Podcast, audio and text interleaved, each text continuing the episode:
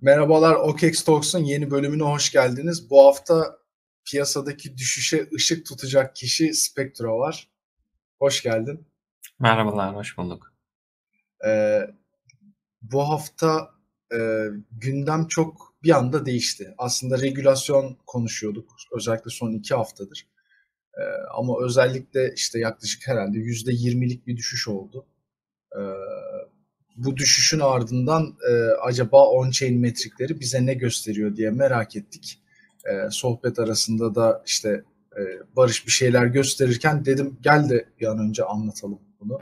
E, çünkü güzel şeyler var aslında ben beğendim. E, onun dışında hemen e, OKEX'in e, haberleri var. Oraya girmek istiyorum çünkü ilk defa böyle bir haber sunuyorum. OKEX rebranding e, gitti yani tekrar e, markasını yeniledi ve OKX oldu. E, ve burada aynı zamanda Meta X diye bir şey çıkarttı. Bunu şöyle düşünebilirsiniz. OKX e, merkezi kısım, Meta X merkeziyetsiz kısım olarak bir cüzdanları da var. E, gayet güzel. Şöyle bir kurcalayarak e, deneyimleyebilirsiniz. Onun dışında OKEX'in Polkadot eko- ekosistemine çok özel e, staking avantajları oldu. Buradan zaten görebilirsiniz oranları. Ee, hep söylüyorum aslında bu flash deal'ları takip edin diye. Geçen de yakaladığımız bir flash deal aslında bu da.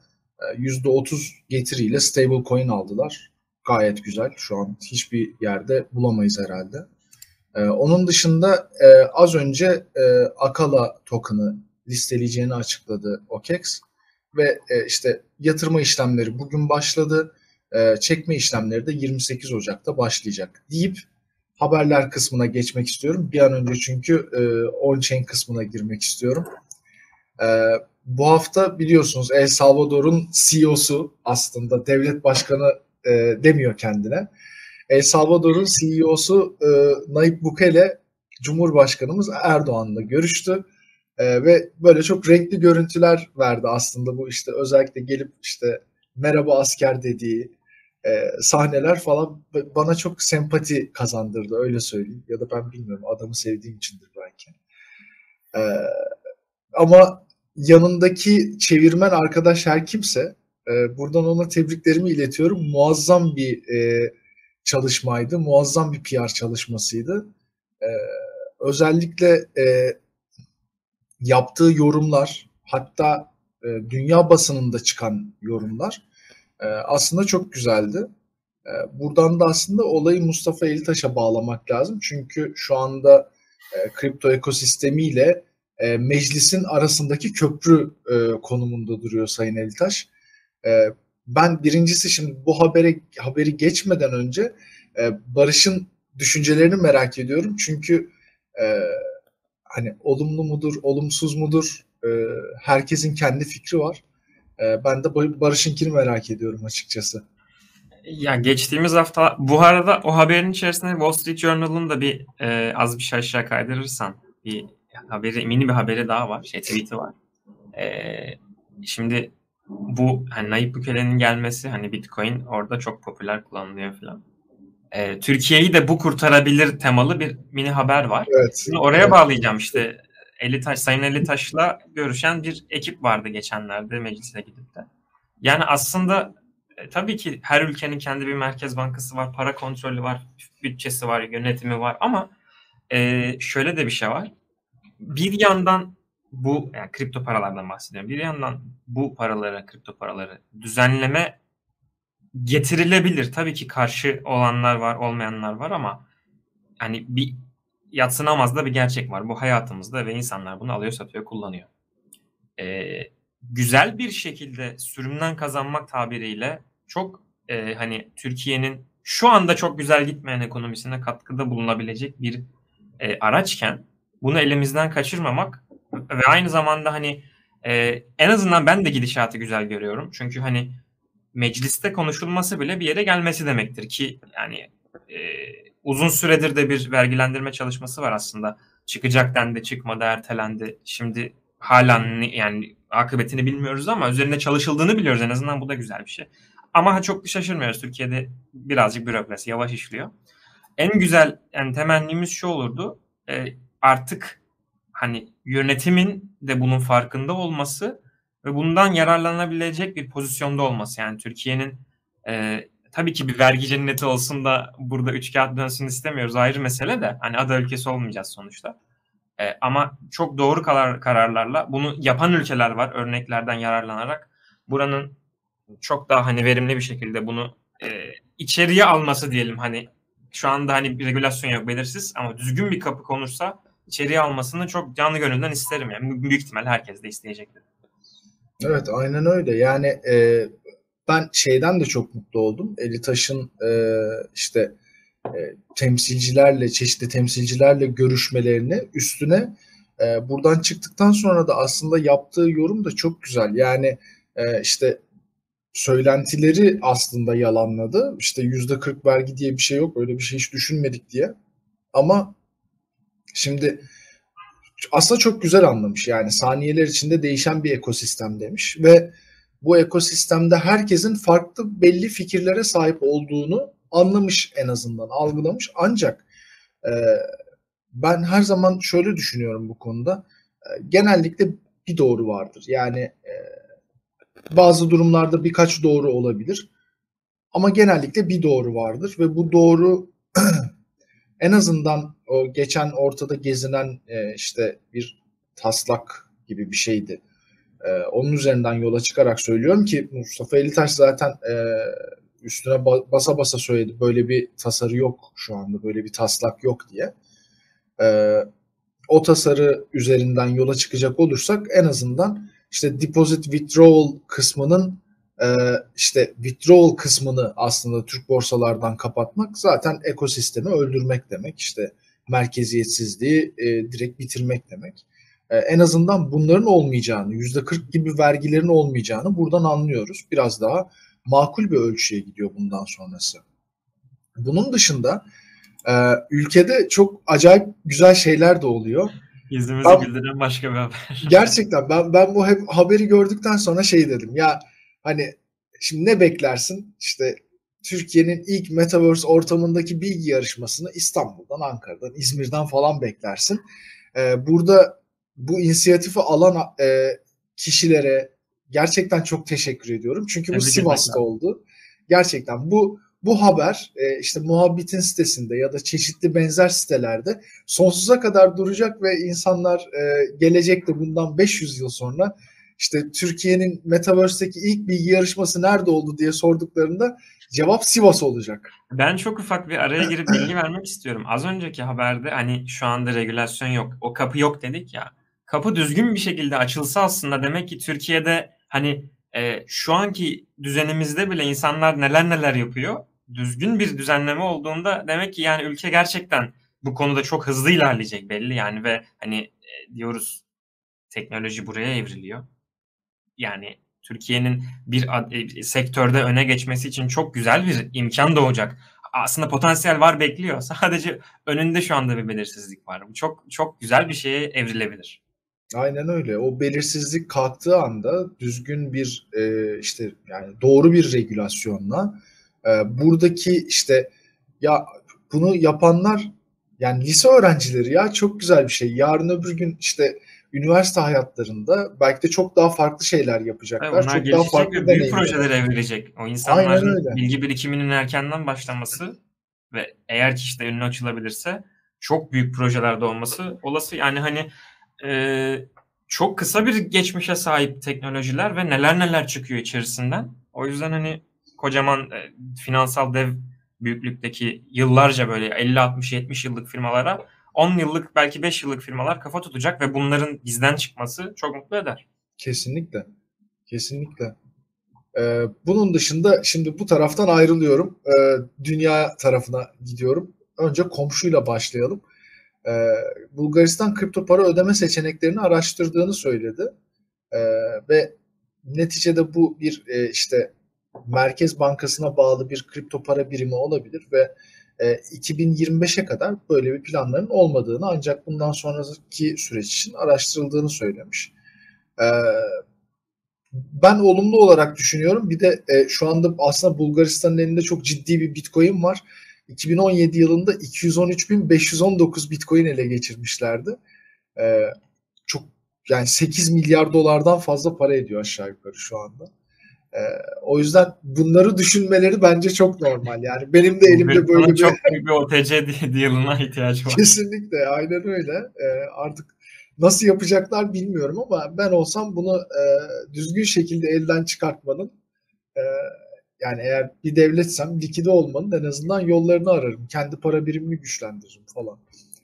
Neyse böyle de güzel bir haber var. Ee, onun dışında New York Belediye Başkanı maaşını Bitcoin olarak almaktan pişman olmadığını söylemiş. Çünkü biliyorsunuz New York Belediye Başkanı yaklaşık bir ay önce e, maaşını Bitcoin olarak almak istediğini söylemişti.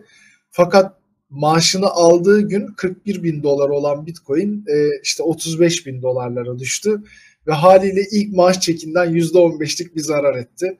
E, ama pişman değilim dedi Sayın Adams ve özellikle e, gençleri teşvik etmek için e, yatırım yapmaya e, çok bence çok inovatif bir fikir, çok örnek bir fikir. E, zarar edip etmemesi artık yani kısmet kar da edebilirdi. O yüzden e, ben çok eğleniyorum böyle haberleri duydukça çünkü e, insanların önünde bence bir rol model oluyor ve nereye gittiğini aslında ekosistemin e, gayet güzel gösteriyor. Bir de Twitter'ın NFT evet, profil resmi özelliği haberler. var. Aynen öyle.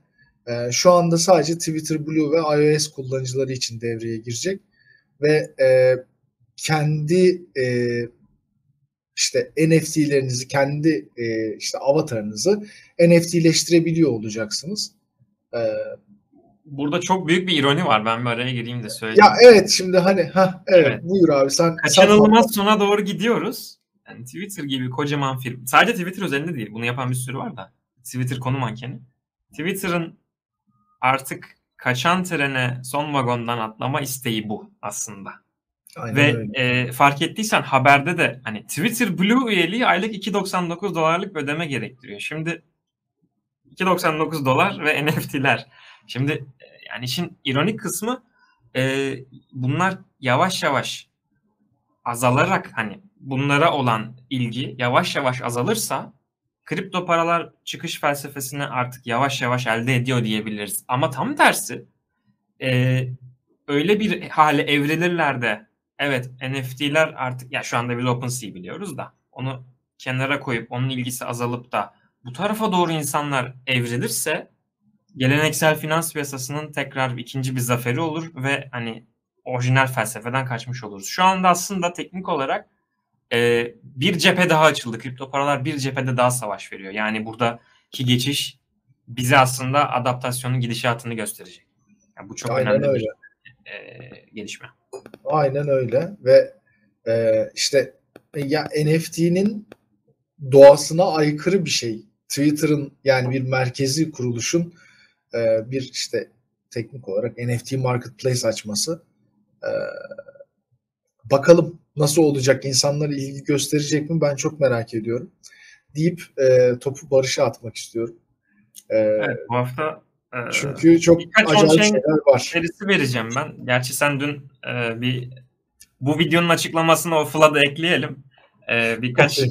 yazınca ben grafik paylaştım onun şeyle ilgili ama ben kısa kısa notlar aldım onları vereceğim. Bu hafta e, yani grafik yansıtmadım ama zaten fiyat takip eden arkadaşlar 3 aşağı 5 yukarı hareketleri bu hafta ana trend düşüş halindeydi ama ben o düşüşün arkasındaki birkaç veriyi paylaşacağım. Ee, yaklaşık bu haftaki düşüşte piyasa yak 2,5 milyar dolara yakın zarar yani realize zarar yazıldı. Ve bunların çok büyük bir kısmı e, short term holder'lar. Yani bunlar 155 günden kısa cüzdanlara tutulan coinlerin yaptığı hareketten doğan e, zararlar. Ve bunun neden önemli olduğunu da şöyle söyleyelim. E, kısa dönem yatırımcıdan uzun döneme geçildiğindeki beklenti uzun dönem yatırımcıların bunu yani coinlerini cüzdanına oynatmamaya meyilli olmaları. Şimdi e, şöyle bir şey var. Ekrana veremiyorum ama net unrealized profit and loss metriğinde e, gerekirse videodan sonra altına veya flood olarak da grafiklerin güncel hallerini paylaşırız. E, günümüzde geldiği nokta şeyden e, normaldeki karlılık oranımız bu metrik sıfırın üstünde ağın komplesi karlı, sıfırın altındaysa komplesi zararda. E, en üst mavi 0.5-0.75 arası yeşil ve 0.25-0.5 arası sarı. O hani renkli grafiği hatırlayan olacaktır. Biz yine grafik paylaşırız dediğim gibi. Yeşilden sarıya düştü ve düşüş devam ediyor. Yani bu haftanın verisi 0.325 e, yani network'ün %32.5'u karda. Bu geçtiğimiz haftalarda %50'nin üstündeydi hatta %75'lerden e, düştü Aralık ayında. Aralığın başındaki o düşüşten. Ee, bununla beraber e, şey var. Mesela realize edilmiş fiyat az önce dedik ya 2,5 milyar dolar zarar yazıldı. E, bu on-chain olarak el değiştirdi ve realize edildi. Şimdi bütün bitcoinler, bitcoin özelinde konuşuyoruz. Bütün bitcoinler aynı değere sahip değil. Bir hafta önce işlem gören bitcoin ile bu hafta işlem gören, iş, el değiştiren bitcoin aslında aynı fiyattan el değiştirmedi. Bu yüzden piyasa değeri güncel fiyat çarpı bütün coinler ile realize edilmiş değer yine realize edilmiş piyasa değeri geçen haftanın coin'i çarpı geçen haftanın fiyatı artı bu haftanın coin'i çarpı bu haftanın fiyatının toplanmış hali arasındaki fark e, azaldıkça veya arttıkça bize e, Bitcoin'in yani fair price nasıl deriz tam olarak belki çevirmek doğru olmaz. Gereğinden daha değerli veya daha değersiz olduğunu bize gösteriyor. Bu hafta itibariyle bu düşüş devam ediyor. E, hal böyle olunca e, nispeten fiyat aslında yavaş yavaş düşerken bu metrik çok daha hızlı düşüyor. Burada bu da bize neyi anlatıyor? E, yavaş yavaş hani ayı piyasalarındaki yine grafiği şu anda ekrana veremediğim için gösteremiyorum. Ayı piyasalarındaki e, seviyelere doğru gidiyoruz. Burada iki şey var. Ayı piyasalarında bu seviyenin altına yavaş yavaş iniyor ve orada kalıyor. Ama eğer bir fake outsa yani girip geri çıkıyorsa bu seviyeleri gördüğü zaman insanların hani Fear and Greed Index paylaşıldı bundan bir hafta kadar önce ve uzun zamanın belki 2020 Mart'tan beridir en kötü değerlerindeydi. Ee, insanların gözünü korkutup da likidasyonların çok büyüdüğünü bu türev verisi tarafında anlatırız. Ben bugün hazırlamadım veri ama o tarafla ilgili. Ee, insanları likide edip daha düşük fiyattan e, alım akümülasyona devam edebilmek için yapılmış. O yüzden MVRV'nin yani Market Value Realized Value grafiğinin önümüzdeki haftalarda takibini yapmak çok önemli. Ee, birkaç grafik daha bakayım. Ee, hemen şurada notlarımdan. Şimdi ha, bu hafta bir de paylaşmak istediğim şu var. Gidişatın enteresan olduğunu bu hafta nereden anlıyoruz? Şimdi en başta dedim ya hep short term holder'lar el değiştiriyor. Long term holder'lar e, pek kararsız. Bunu da nereden anladık? Şimdi short term holder'ların ellerinde tuttuğu arz miktarı ve bunların ikiye bölündüğünü düşünün. Kardakileri, zarardakileri. Aynı şekilde long term holder'ların da eline tuttuğu miktar ve kardakileri, zarardakileri. Burada şöyle bir şey var. Short term holder'ların kar miktarı neredeyse sıfıra gidiyor. Yani bütün short term holder'lar zarar yazıyor şu anda. Ve bunlar doğal olarak her çıkışta satış yapmak isteyecekler paraların orijinallerini al- alabilmek için, elde edebilmek için. E bu yukarı yönlü bir her çıkışta bir satış baskısı demek. Ama aynı şekilde long term holder'ların karlına zararlına baktığımızda bu adamlar zarar yazıyor ama realize edilmemiş zarar yazıyor. Yani bunların realize ettiğini görsek metrikte düşüş göreceğiz. Şu anda dediğim gibi her türlü veririz şeyden sonra yayından sonra. Ee, bu kişiler zarara okeyler. İşte piyasanın enteresan kısmı bu. nereye kadar, okeyler, nereye kadar okeyler sorusunu metrikler dönmeye başladığında Aa, burası evet tamam diyeceğiz. Asıl e, üzerine durmamız gereken metrikler de bunlar. Ve e, bu haftanın raporu paylaşıldı. Ben güncel grafikleri vereceğim ama bu konuştuğum metriklerin bir kısmı T3 verisi olduğu için ben işte 24.01 veya 25.01 tarihli grafik vereceğim. İleride izleyenler maalesef geçmiş veriyi görmüş olacak. E, elimden geldiği kadar güncellemeye çalışırım. Son bir şey de söylemek istiyorum. Piyasanın e, hani holderlarının tabii ki büyük bir kısmı bunlar long term holder ama şöyle bir şey var. 155 günden büyükler diyoruz. Biz bir yıldan büyüklere baktığımızda bunlar short term holder, long term holder diye ayrı kategorilendirilmiyor. Direkt yaşa göre ayrılmış grafikten bahsediyorum.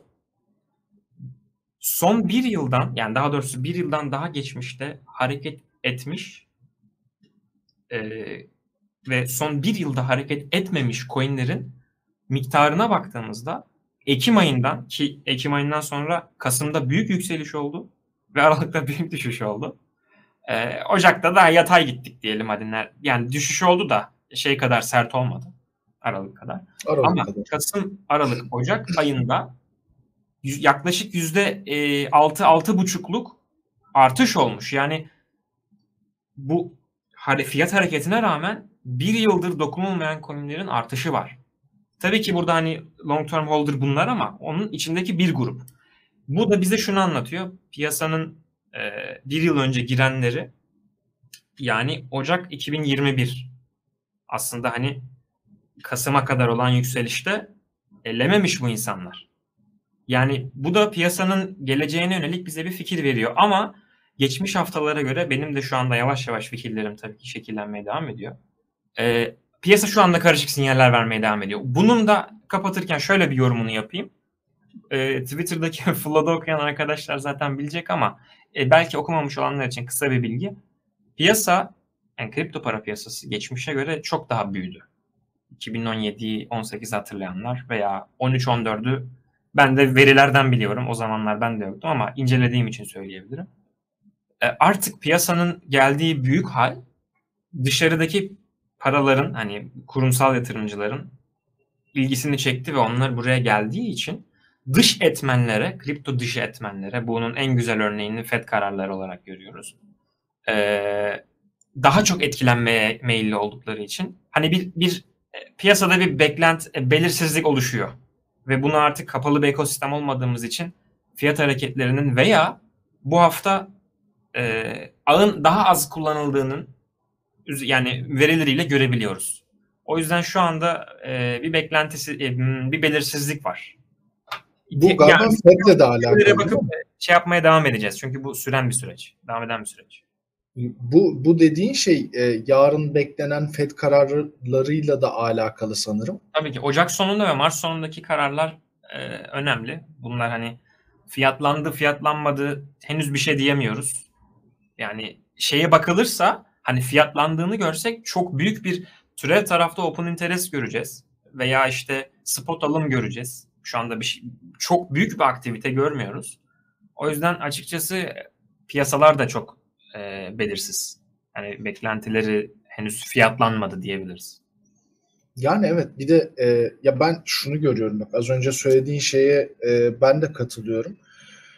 Önceki e, ayı piyasasına girerken e, 2018'de burada olanlar hatırlayacaklardır. E, 2018'in Ocak ayında, Aralık ayı ve Ocak ayında çok çılgın e, ralliler gördük. Yani e, işte 20 bin dolara değdi.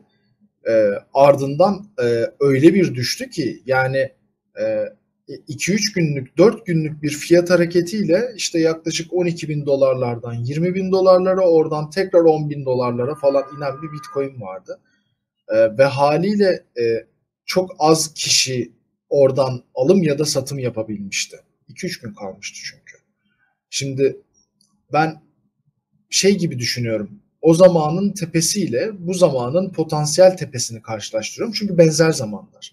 Eğer e, işte halving cycle'ları koyarsanız yan yana e, teknik olarak bu Ocak ayı aslında aynı Ocak ayı. Yani aynı süredeki Ocak ayı. Son e, halvingden sonraki.